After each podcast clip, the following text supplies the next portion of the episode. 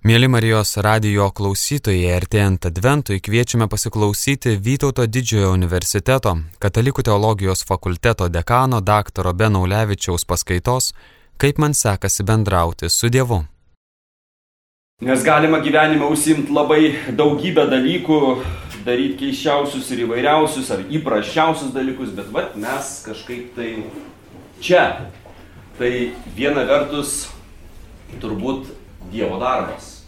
Nes Dievas moka su mumis žaisti kaip su savo vaikais ir, ir įtraukti į kažką prasmingą.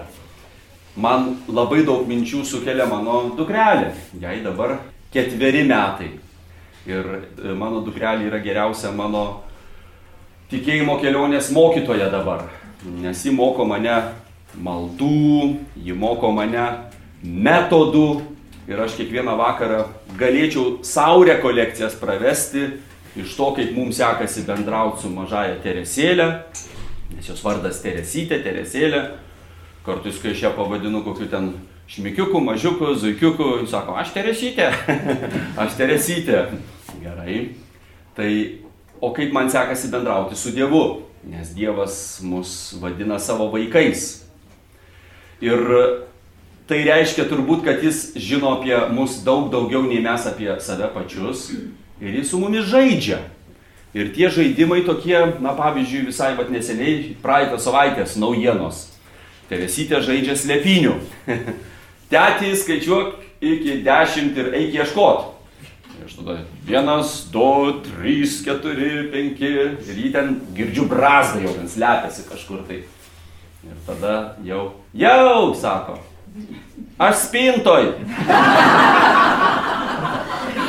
Ir maždaug labai gerai pasislėpiau. Na ir ką tada tėtis daro? Eini ir kur mano teresytė? Hmm, po, po anklodė nėra. Po lova nėra.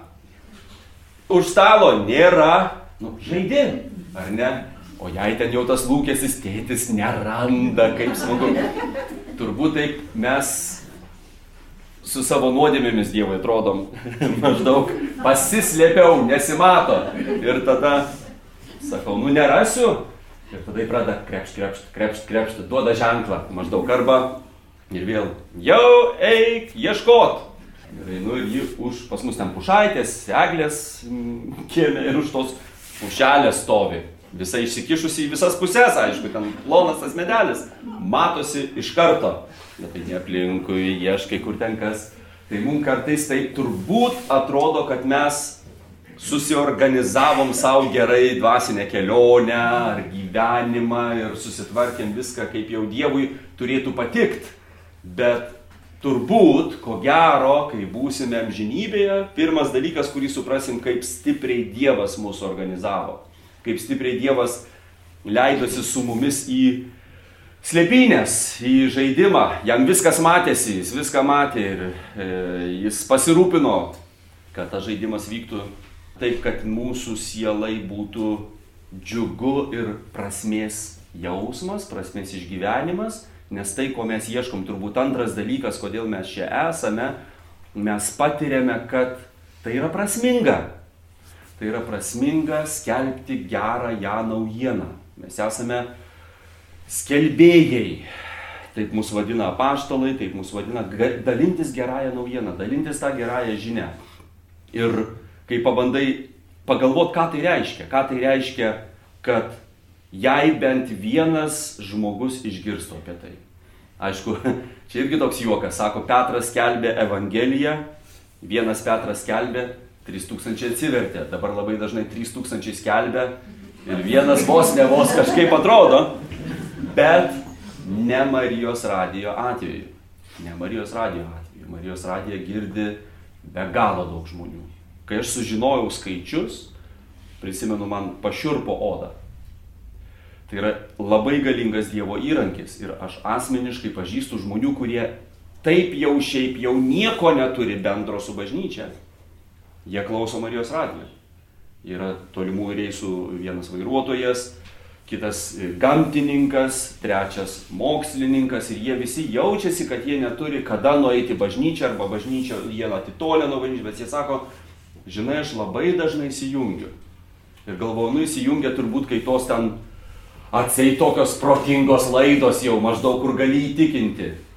Ką jūs savo galvojate? Ne, sako, aš ypač man patinka, kai meldžiasi.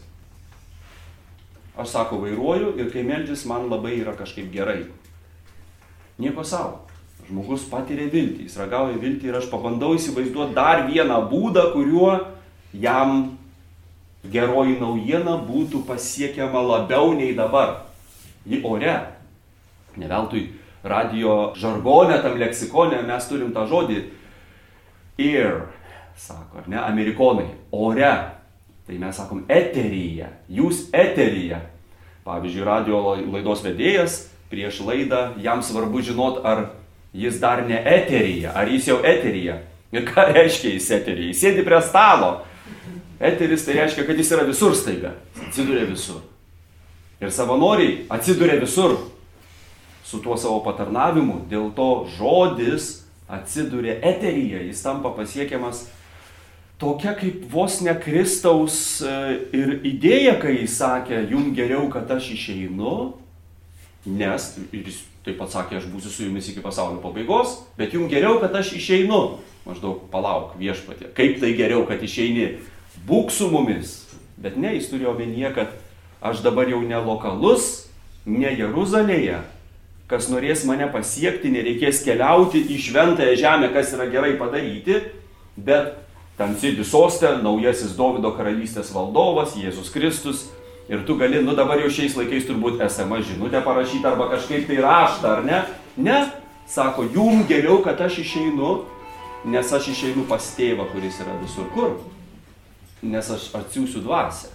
Ir dvasios bruožas yra koks. Ji yra eterija prasme, jį pasiekiama visur. Ir jis laužė duoną mokiniams, kurie pakeliu į Amausą buvo kartu su juo ir jie jo nepažino ir tada jis laužė duoną ir jie pažino jį ir jis išnyko iš akių. Ir ką tai reiškia? Jis savo tarnystės metu nuolat pabrėždavo ir kalbėdavo, kad jis norėtų padaryti du dalykus. Dėl dviejų dalykų jis kalbėjo, kad jis labai dėl jų dega, jis labai to trokšta, jis labai to norėtų. Vienas iš jų buvo aš trokšte trokštų valgyti šitą vakarienę su jumis, nes būtent per tą vakarienę tai yra būdas, kaip Jėzus atsiduria, na, va tam eterė, kitaip tariant, pasiekiamas visiems, nes per tą duoną, juk tą duoną gali rasti visur kur yra katalikų bažnyčia, ji yra įsiplėtus per visą pasaulį, ant kiekvieno altoriaus, kiekvienoje bažnyčioje, ten, kur yra kunigas ir ten, kur ta duona patenka, kur? Į žmogų. Staiga žmogus tampa tabernakuliu. Staiga į žmogų ateina Kristaus geroji naujiena ir tu išeini į gatves. Tu tampi pasiekiamas. Jėzus tampa pasiekiamas visam pasaulyje ir jis jau nėra vienas asmo, kurį reikia pasiekti keliaujant į Jeruzalę. Jis yra savo mokiniuose, jis yra sakramentuose. Geriau taip yra, be abejo geriau. Nes tiek yra žmonių, kurie alksta amžino gyvenimo. Kitas dalykas, apie kurį Jėzus kalbėjo, ir aš atėjau uždegti žemėje ugnies ir taip norėčiau, kad jį jau liepsnotų. Ir jis kalbėjo apie dvasę, kurią turi atsiųsti. Taip geriau, be abejo, nes kai ateina dvasia, staiga ji gyvena milijonuose žmonių ir per dvasę Jėzus pasiekiamas visame pasaulyje. Aš pradėjau nuo to eterio. Tai įmanoma per dvasę, kuri apsigyveno jumise, visuose bažnyčios nariuose. Ir ta misija staiga ir radijoje, Marijos radijoje. Aš labai tuo tikiu. Iš tikrųjų, eteris, Dievo žodis vis. Mes galėtume sakyti, kaip atpažinti šventosios dvasios veikimą. Labai paprastas metodas. Jei geroji naujiena ir jei ugnis iš dangaus tampa pasiekiama visur visiems, šventosios dvasios darbas. Tikrai. Ir maždaug kaip pabandau įsivaizduoti, kas ta geroji naujiena yra ir kaip tai svarbu, pavyzdžiui, pats žodis tas evangelijon, ar ne? Evangelijon, tas evangelijon, eu. Iš to mes turime graikiško žodžio, to priešdėlio, visus gerus dalykus euforija, Euharistija. Ir sako, kūdikiai, kai pradeda kalbėti, jie pradžioj pradeda sakyti, eu, eu, eu, eu, atkreipkite dėmesį. Kažkoks toksai mus įaugęs tas eu geras ir evangelijon. Geroji ta eu naujiena. Ir žmonėm, kurie gyveno Romos imperijos laikais, tai reiškia gyvenimą arba mirtį. Nes tą žodį naudojo imperatoriai, kai skelbdavo gerasias žinias Ir šiandien mums sunku įsivaizduoti, kas tai yra. Mes turime kažkokius leidinius, internete rašomos naujienos, bet anais laikais, pavyzdžiui, gyveni kokioj nors gyvenvietėje. Ir pražygiuoja Romos imperijos kariuomenė, nes ten vyksta nuolat kovos, grumtynės kažkur pakroščiuose. Ir jie ten praėjo ir tu nežinai, kas ten bus. O ten kažkokie barbarai, laukinės gentis, ten puola, imperija, visada grumtynės Ir tu tada jau po to nežinai, ko laukti, kas čia ateis. Ar čia pamatysi priešo kariuomenę ir tada bus baisus klaikus dalykai, prievartos moteris, žudys vaikus, gyvenimas baigtas. Tu gyveni nuolatinėme baisiam strese dėl rytojaus, dėl rytojaus. Ir staiga tolumoje pasirodo šauklys. Ant žirgo, su skeptru, jis kelbė naujieną. Štai kodėl Arkangelas Gabrielius, kuris yra gerų žinių nešėjas, jis turi tokį skeptrą. Ir tas žinia nešys, Evangelijos, gerosios naujienos skelbėjas įjoja į miesto aikštę ir jis skelbia gerąją naujieną priešai su nugalėti, taika, ramybė klesti, galime gyventi toliau. Aš bandau įsivaizduoti žmogų iki Evangelijon ir po Evangelijon, iki Evangelijon. Tu negali užmigti naktį. Tu šokinėjai iš patalo, išgirdęs bent kažką, nes gal jau ateina tas siaubimas.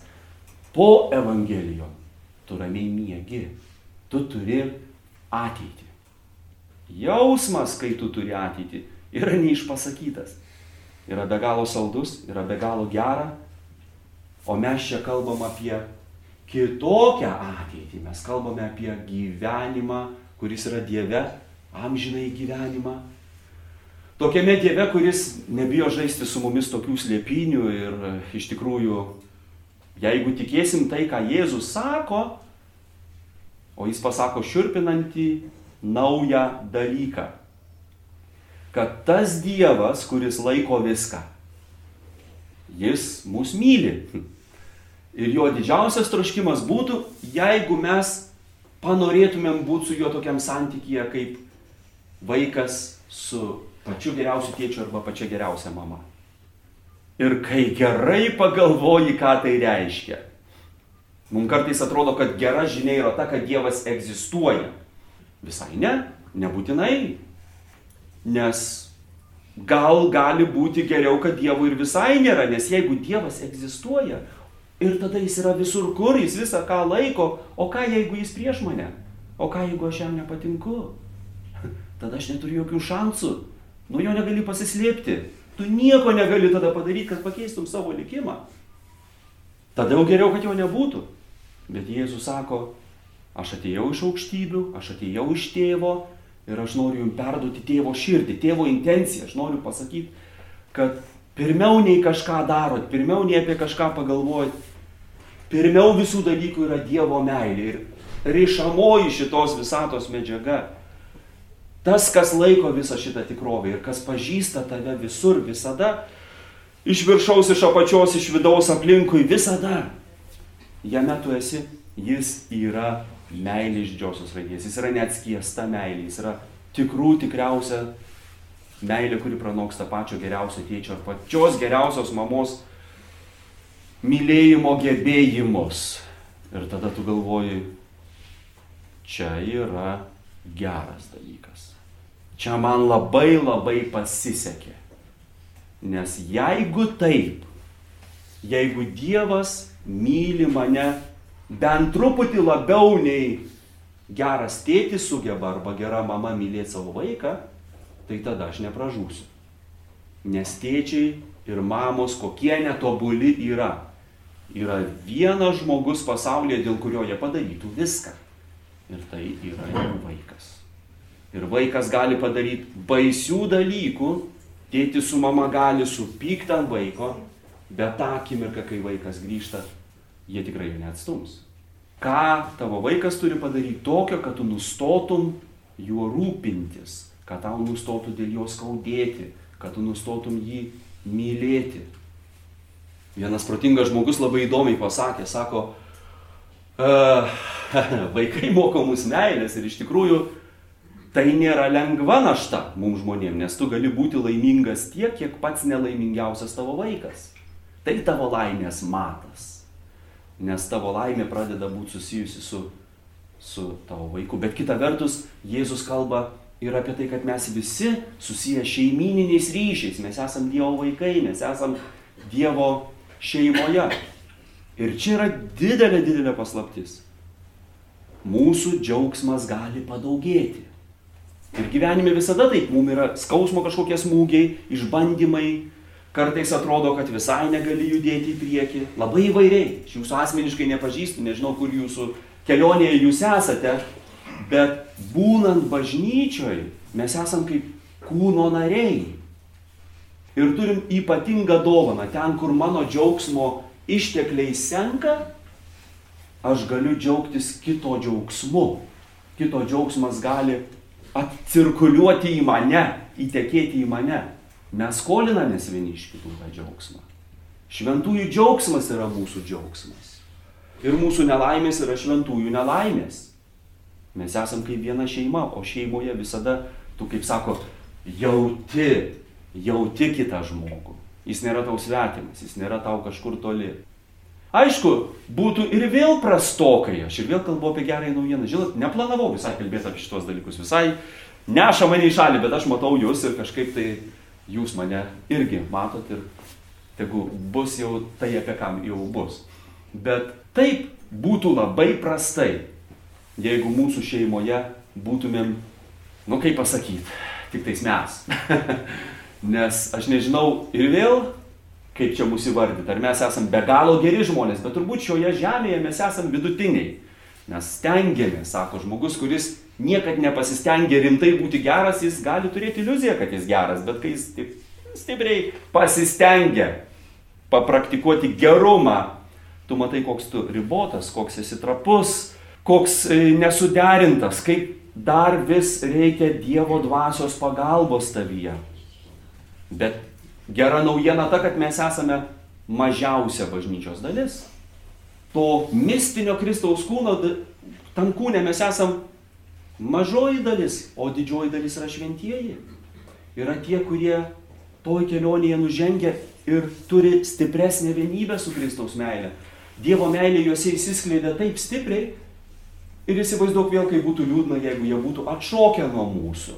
Tu tik gali apie juos išgirsti, kažką sužinoti, bet tarp jūsų yra praraja. Ir bažnyčia mums sako, kad prarajos nėra.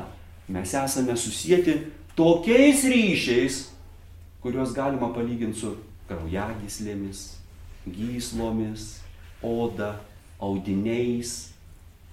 Ir jeigu vienai lasteliai tavo kūne gerai, kita lastelė tą iš karto jaučia. Taip veikia vitaminai, taip veikia gyvybės kažkokie syvai, lastelės perdoda sveikatą viena kitai. Ir mes tada sakom, ačiū Dievui.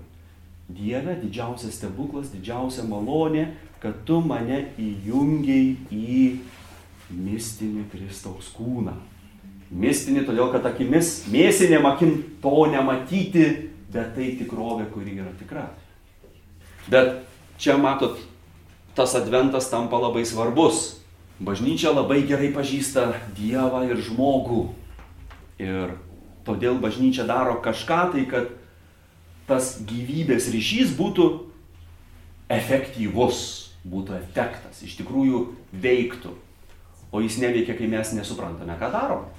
Jis neveikia, kai mes automatiškai rytamės per gyvenimą ir nesustojam, neatkreipiame dėmesio į tai, kas mūsų gyvenime yra svarbu ir nepakoreguojame savo jungčių. Mes turim jungtis. Tokia mūsų siela, šventasis Augustinas taip apie mus kalbėjo, sako, kad mumise yra tokia tuščia ertmė ir laidai. Ir tais laidais mes taip vaikštom ir vis sakom, į ką man įjungti, į ką man įjungti, į ką man įjungti. Toks žmogus yra, jis gali pasipildyti savo gyvybės išteklius, papildomą gyvybę, įdėti į save kažką tai. Ta laida vis nešti, jį reikia į kažką įjungti. Ir jeigu tu jį jungi į tai, kas svarbu, gyvenime padaugėja prasmės. Labai nuostabu, labai gerai, krypties. Bet jeigu negalvoji, ką darai, pradedi junginėtis į dalykus, kurie pasitaikė tau po kojom pirmiausiai ir patraukė tavo dėmesį. Pavyzdžiui, daiktai. Jie nėra blogi. Bet, nežinau kaip jų, man tai kartais nutinka. Aš kažką perku, tada įsipakuoju ir tada niekad nenaudoju. Ir suprantu, kad aš pirkau todėl, kad man buvo, nu, norėjosi pirkti ir išpakuoti. Mums patinka išpakuoti, mums patinka gražus reklamos agentai tą ir daro. Yra gražūs paveikslėliai, kurie patraukia mūsų dėmesį ir aš pats nesuprantu, ką padarau. Kodėl nesuprantu? Jeigu prieš kiekvieną pirkinį mes įsijungtumėm, šeimininkės turi tą laikmatį, ar ne? Ir tu jį nešiotumės kišeniai ir sakytum, be abejo, aš galiu nusipirkti, ką tik tais noriu. Nu, tiek, kiek leidžia mūsų finansiniai ištekliai, bet Bet prieš tai mano taisyklė yra aš laikmatis viena minutė pamastymo. Čikšt. Ir tik, tik, tik, tik, tik, tik viena minutė. Paprasti klausimai. Ar tikrai man to reikia? Pirmas klausimas. Aha. Ko gero to vieno ir užtektų, ar ne? Arba kiek jau tokių aš turiu? Aha. Arba trečias klausimas ir to tikrai užtektų. Kada paskutinį kartą pirkau kažką, ko taip ir nepanaudojau? Ah Mano gyvenime būna labai panašių dalykų, kai man pavyksta sustoti, korekcija mano veiksmų yra iš karto betodiriška, betarpiška, keičiasi viskas. Ir jausmas yra įdomus. Pavyzdžiui, žinot, nežinau, daug moterų matau. Aš neįsivaizduoju, kaip jaučiasi moteris, bet vyrai, nu mes mėgstam daiktus. Taip kažkaip jau yra. Netgi buvo eksperimentas darytas su primatais, su šimpanzėmis, šimpanzių jaunikliukams vyriškos lyties ir moteriškos lyties išmėtė daug lėlyčių ir mechanizmų. Ką jūs savo galvojat? Moteriškos lyties šimpanziukės bėgo prie lėlyčių, nes ten buvo veidukas. Vyriškos lyties prie mechanizmų. Ir kažkaip tai mes panyram į tos daiktus. Na ir taip jau būna, į kažkokias žinias, į kažkokius tokius vat reikalus. Kiek kartų kalėdos nepraeina taip gerai, kaip galėtų, nes tėtis nesugeba išjungti televizoriaus, ar ne? arba kažkokio tokio prietaiso, ne, arba užsibūna garaže. Čia moteris dažnai skundžiasi tais dalykais ir natūralu. Ir e, mano gyvenime aš turiu nuostabią, nuostabią žmoną. Labai labai tikinti. Mes baigiam tą patį fakultetą, melžiamės kartu. Namo grįžti gerą. Ir vis tiek taip kartais žmonelė retai išvažiuoja iš namų ir atsimenu kažkada su dukrelė sako, na dabar važiuosim ten pas tetą ir dar kažką. Ir aš taip, wow, plotas. Laisva Aš visada galiu pasižiūrėti filmą, jeigu noriu. Aš visada galiu daryti namuose, ką tik noriu. Nu, šiaip noriu iš esmės gerų dalykų. Bet, nu, va taip tiesiog atsisėsti ir be jokio tikslo pažiūrėti kokį kvailą filmą. Kas nėra blogai, tą galima daryti. Ir jos išvažiuoja. Ir aš galvoju, bet palauk, mano brevijorius. Yra tokios liturginės valandos, laikas melstis. O gal pirmą tą filmą? O gal, o, o, pareik, o darbų daug reikia padaryti, o gal pasimelst ir aš jau žinau, kas bus. Ir aš pradedu melstis ir taip, Dieve, ir Dievo pribuvimas čia pat, tu patiri viešpaties malonę ir kartu tavo tas filmas tirpsta, tirpsta, tirpsta su pirmaisiais žodžiais. Jei mes turėtumėm laikmatį, kuris mūsų stabdytų. Bažnyčia turi adventą, gavėnę dėl daugybės priežasčių ir ten yra labai gili prasme, bet pradėkim gal nuo to, jei mes nesustojam, mes nieko nesuprantam. Ir tada mūsų pasirinkimai yra pražutingi, o ne, jie, jie negeri nei mums, nei kitiems. Jeigu daugybė žmonių, kurie moka melstis, ką aš turiu omenyje moka melstis, jie turi praktiką, jie žino kaip, Kai jie meldžiasi, jie patiria Dievo saldumą, Dievo artumą. Nesimeldžia ištisas dienas, nes nesugeba sustoti. Neklauso Marijos radijo, turbūt, ar ne? Neišeina sustoti. Jeigu būtų toks laikmatis manyje, kuris numatytų laiku, staiga mane sustabdo ir aš daugiau nieko negaliu daryti. Ir aš jį galiu atkoduoti tik malda. Wow, čia būtų neblogas dalykas, dabar tai pagalvojus, gal kažkas tokį išras. Ir žmogus sako, aš melščiausi, bet man sunkiausia yra pradėti melstis, sunkiausiai staptelėti, sunkiausiai pagalvoti. Ir tas stop momentas, jis atveria tikrovę. Jo nėra, žmogus pasislėpia po kaukinės. Prisimenu tokį jokingą nutikimą. E, mes gyvename kaime, auginame vištas, antis, kates, peles, pelės visada kaime auga, ne, šunis. Na ir e, vienas labai gražus šuniukas pas mus auga ir e, žmona labai jį myli, nes aš tai mieste užaugęs, miesčionis, žodžiu, ji kažkaip jau ten jau pažįsta tos visus gyvūnus, labai smagu. Ir išbėga pažaisti su to šuneliu ir paima tokią virvę su kamuoliuku. Vaikui tai labai patinka ir suki virš galvos ir šuo gaudo. Vilkšunė tokia. Marsė vardas. Kažkada užsižiūrėjom vieną serialą, tai ir vardas kvailas. Na ir jį gaudo tą kamuoliuką. Ir įsigijo žmona fotoaparatą. Sako, tai dabar tu žaisk, o aš pafotografuosiu. Nu gerai, stoviu žaidžiu, jį gaudo, kapt, kapt pašoka vis, prifotografavo. Grįžom namo, vakarė žiūrim nuotraukas. Ką jūs savo galvojat? Visą laiką taip maždaug, oho, oho, ei, pastabdyk, pastabdyk. Nieko savo. Visą vakarą praaikčiujom. Tai yra gyvūnas, kurį mes matėm beveik dešimt metų. Ir staiga tu jį pamatai. Stop kadras. Naujomis akimis kažkuo pakibęs ore. Šeriai įsidraikė į seilių tokia driekėsi, dryžė kažkokia, dantis iššiepti, akių baltymai balti, griebė kamoliuką, kaip drakonas kažkoks. Atrodo fantastinis, nematytas gyvūnas. Pasižiūri tą nuotrauką, pasižiūri tą šunį, pasižiūri tą nuotrauką, tą šunį. Negali patikėti, kad čia tas pats dalykas. Stop kadras parodo, kad tikrovė ypatinga. Stop kadras leidžia pažiūrėti naujomis akimis į įprastą dalyką ir jis jau nėra tartum savaime suprantamas. Kita rytą išėjęs į kiemą, jau į tą šunį žiūri su didesnė pagarba. Ir kitaip, kaip nutinka su mūsų gyvenimu, kaip nutinka mūsų santokose. Kiek kartų vyrukai meldžiasi, sako, Dieve, Dieve, Dieve, Dieve, Dieve.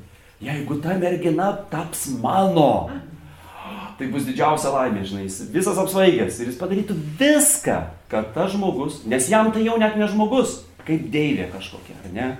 Atrodo ypatinga, atrodo, a, maždaug. Ir paskui susitokia. Praeina trys metai. Kaip baldas namuose.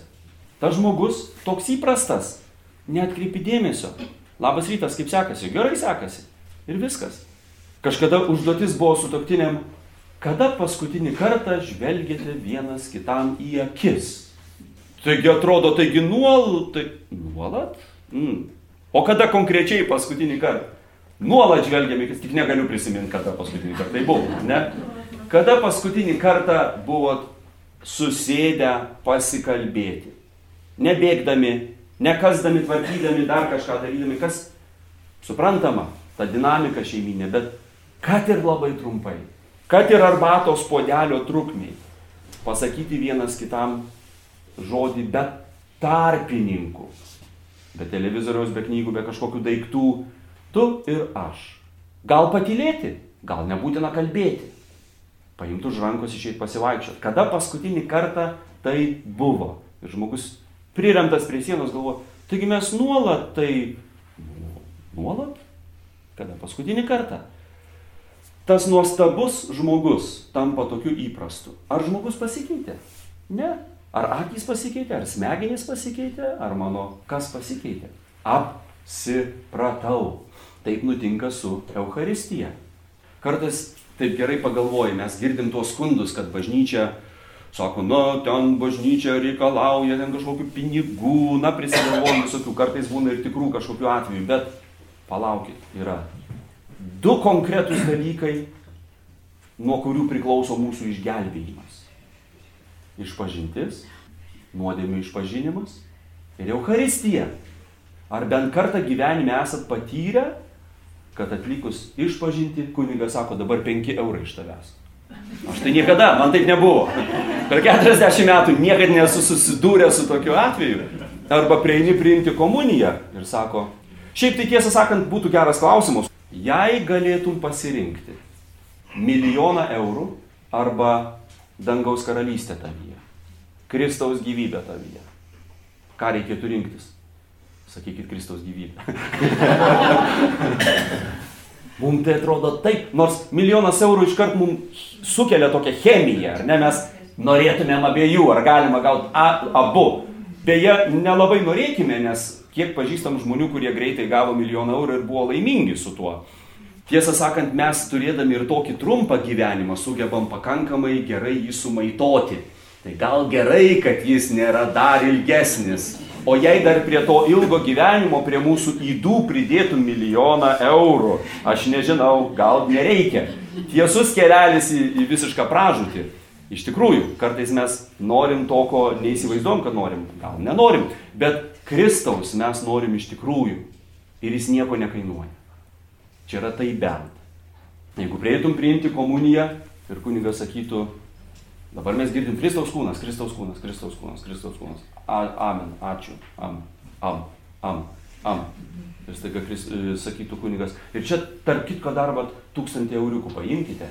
Ir tu nubustum iš karto. Nu, gal ne tu, bet žinai, žmogus. O, ačiū. Ir staiga grįžtum namo ir jaustumės, kad kažkas labai gero tau nutiko.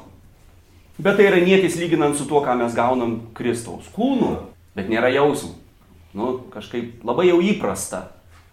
Įprasta ne todėl, kad tai yra prasta, įprasta todėl, kad mes turim chronišką gebėjimą apsiprast net su pačiais geriausiais dalykais. Todėl mums reikia su mūsų žmonomis ir vyrais, ir artimaisiais, ir vaikais, ir kaimynais, ir mažiausiųjų brolių susės su arbatos puodeliu. Todėl mums reikia rekolekcijų, kad dangaus ugnis, kurie ateina į mane, nebūtų kaip paprastas dar vieno maisto kasnis. Nes jeigu aš būsiu chroniškai apsiprantantis žmogus, manęs neįmanoma padaryti laimingu.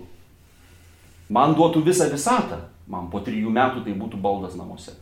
Nieko nereiškintis dalykas. Aš apsipraščiau ir su tuo. Kaip tada mane padaryti laimingu? Kaip tada man... O kas yra laimingas žmogus? Aš manau, kad laimingas žmogus ne tas, kuriam būtinai nieko neskauda, arba jis visko aprūpintas, bet laimingas žmogus, kuris žino, kad tai, kas, tai, ką jis gyvenime galėjo turėti geriausia, jis nepraėjo pro šalį ir jis tai turi. Ir tai yra dangus. Tai yra Dievo meilė mumise. Kaip klaiku būtų gyventi prašovus pro Dievo meilę, prašovus pro šalį. Ir adventas pirmiausiai jis tą ir duoda. Jis, pavyzdžiui, mes turim tos advento papročius, kurie verčia mus staptelėti ir pradėti kelti šitą klausimą. Pavyzdžiui, kai Lietuvoje atsirado, dar buvo klausimas, ar čia lietuviška tradicija ar ne, ta advento tas vainikas su keturiom žvakėm, ar reikia? Reikia, aišku reikia.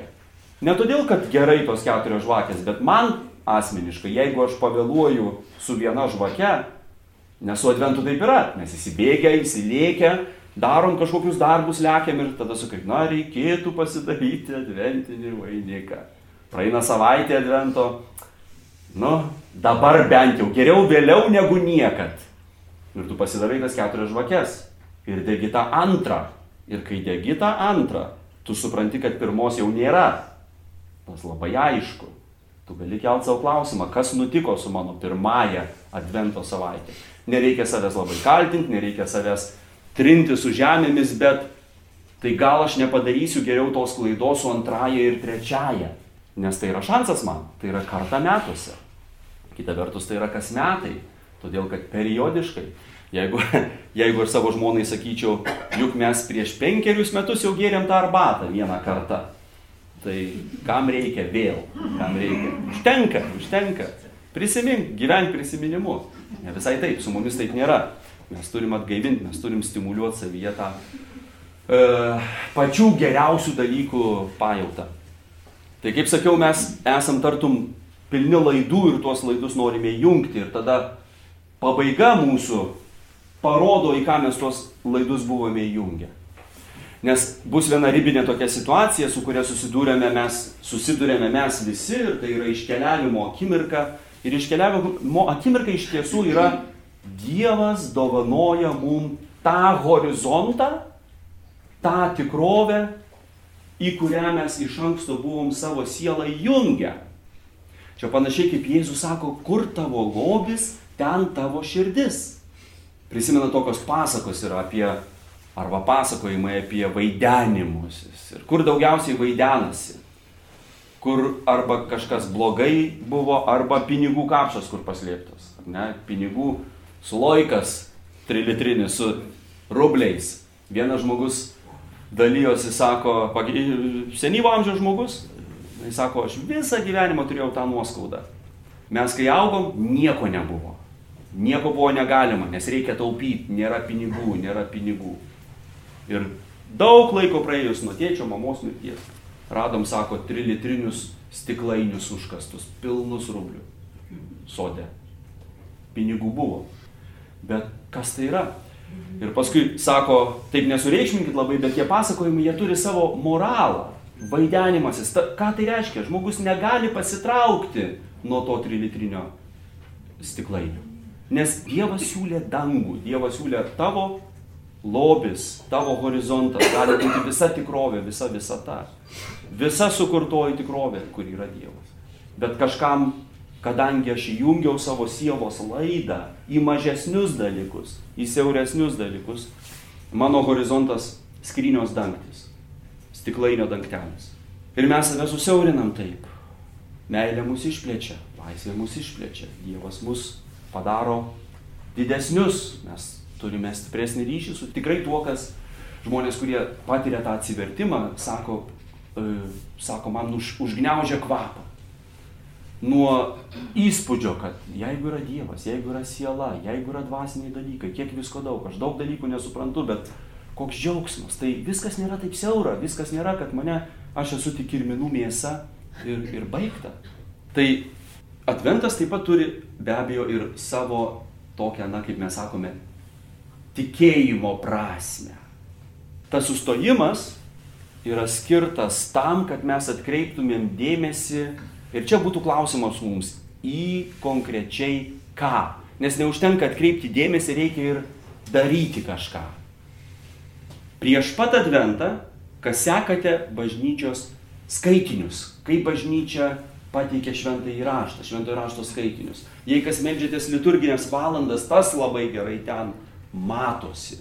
Tokia senovinė malda, ar ne? labai svarbi bažnyčiai. Žydai jau taip pat meldėsi liturginės valandas. 2000 metų tos maldos praktikos. Ir mes taiga matom artėjant adventui, o pats žodis adventus reiškia ateimą, tą puikiai žinote, arba graikiškas tas parusija, prasideda, bažnyčia primena mums apie laikų pabaigą, apie tai, ką vadiname pasaulio pabaigą, apie patį didžiausią ateimą. Žmogui, kuris retai būna bažnyčiai, tai būna taip nuostabu ir keista, kad advento pusę mes skiriame antrajam Jėzaus ateimui, Jėzaus sugrįžimui. Ir tas antrasis Jėzaus ateimas, kai gerai paskaitome, keistas dalykas. Viena vertus jis siaubingas. Kodėl? Nes senoji tikrovė patraukiama, ateina naujoji tikrovė Kai apie jį rašo apaštalai, jie rašo, kad jis ateina kaip ugnis, kaip nesudrebinami dalykai, kaip kažkas, ką labai šiaip jau žmogui sunku būtų ištverti ir pakelt. Panašiai kaip prisimena tą pasakojimą apie Mozę ir degantį krūmą. Kas Mozei yra keista ir svarbu. Kaip taip gali būti, kad ugnis, šiaip jau kuri turėtų tą krūmą per akimirksnį paversti į pelenus, ta ugnis to krūmo nesunaikina. Ta mediena lieka, yra ir krūmas, ir ugnis viename. Mozei tai klausimas. Ir yra dar panašių pasakojimų. Prisimenat pasakojimą iš Danieliaus knygos apie Nabukadnecarą tokį. Čia jeigu norit kažką sudėtingo iš Biblijos išmokti, tai studentams sakom teologijos fakultete mokykitės Nabukadnecaro vardą. 1, 2, 3, Nabukadnecaras. 1, 2, 3. Nabukadnesaras. Gerai, dešimtukas. Jokauju. Bet Nabukadnecaras, valdovas, padaro stabą, prieš kurį visi pavaldiniai turi lenktis ir jį garbinti. Trys izraelitai, trys Nabukadnecaro pavaldiniai to nedaro. Ir jis taip įtūšta, jis liepia įmesti juos į žioruojančią krosnį, mes, mes turim tą pasakojimą. Ta krosnis tiek įkaitinta, kad tarnai, kurie ją ruošia, jie krito negyvi nuo tos kaitros, jie negali jos pakelti. Tačiau tie trys Dievo tarnai toje ugnyje puikiausiai jaučiasi. Ir dar tarp jų atsiranda Dievo sūnus, ten tai parašyta. Ir, ir labai sunku suprasti, aš įsivaizduoju iki Kristaus, tam įkvėptam autoriui, kas čia yra. Ar čia angelas, ar ir mes sakom Dievo sūnus. Yra vienas, kuriam ta dangaus ugnis yra sava. Jis nesunaikinamas dangaus ugnies. Ir apie paskutinęją dieną kalbam kaip apie teismą, bet teismas yra netoks vat teismas kaip teisme. Jėzus labai įdomiai apie teismą sako, kas tiki mane, nepateks į teismą. Bet netikinčiajam teismas bus sunkiai pakeliamas. Mat, ta žodis teismas yra, puikiai tą žodį žinome. Graikų kalbos žodis krizis. Krizė. Žinom žodį? Krizė. Arba teismas gali būti krima, tas pats kas krizis. Ir įsivaizduok, jeigu ateina Dievo visą ryjantį ugnis, o ta Dievo visą ryjantį ugnis yra Dievo meilės ugnis, tai visa tai, kas Dievas yra, bet tai yra šitam šiaudiniam pasauliui sunkiai pakeliamas dalykas. Ir kartais mums kyla tie klausimai, kodėl Dievas toks neva tai ribotas, ne?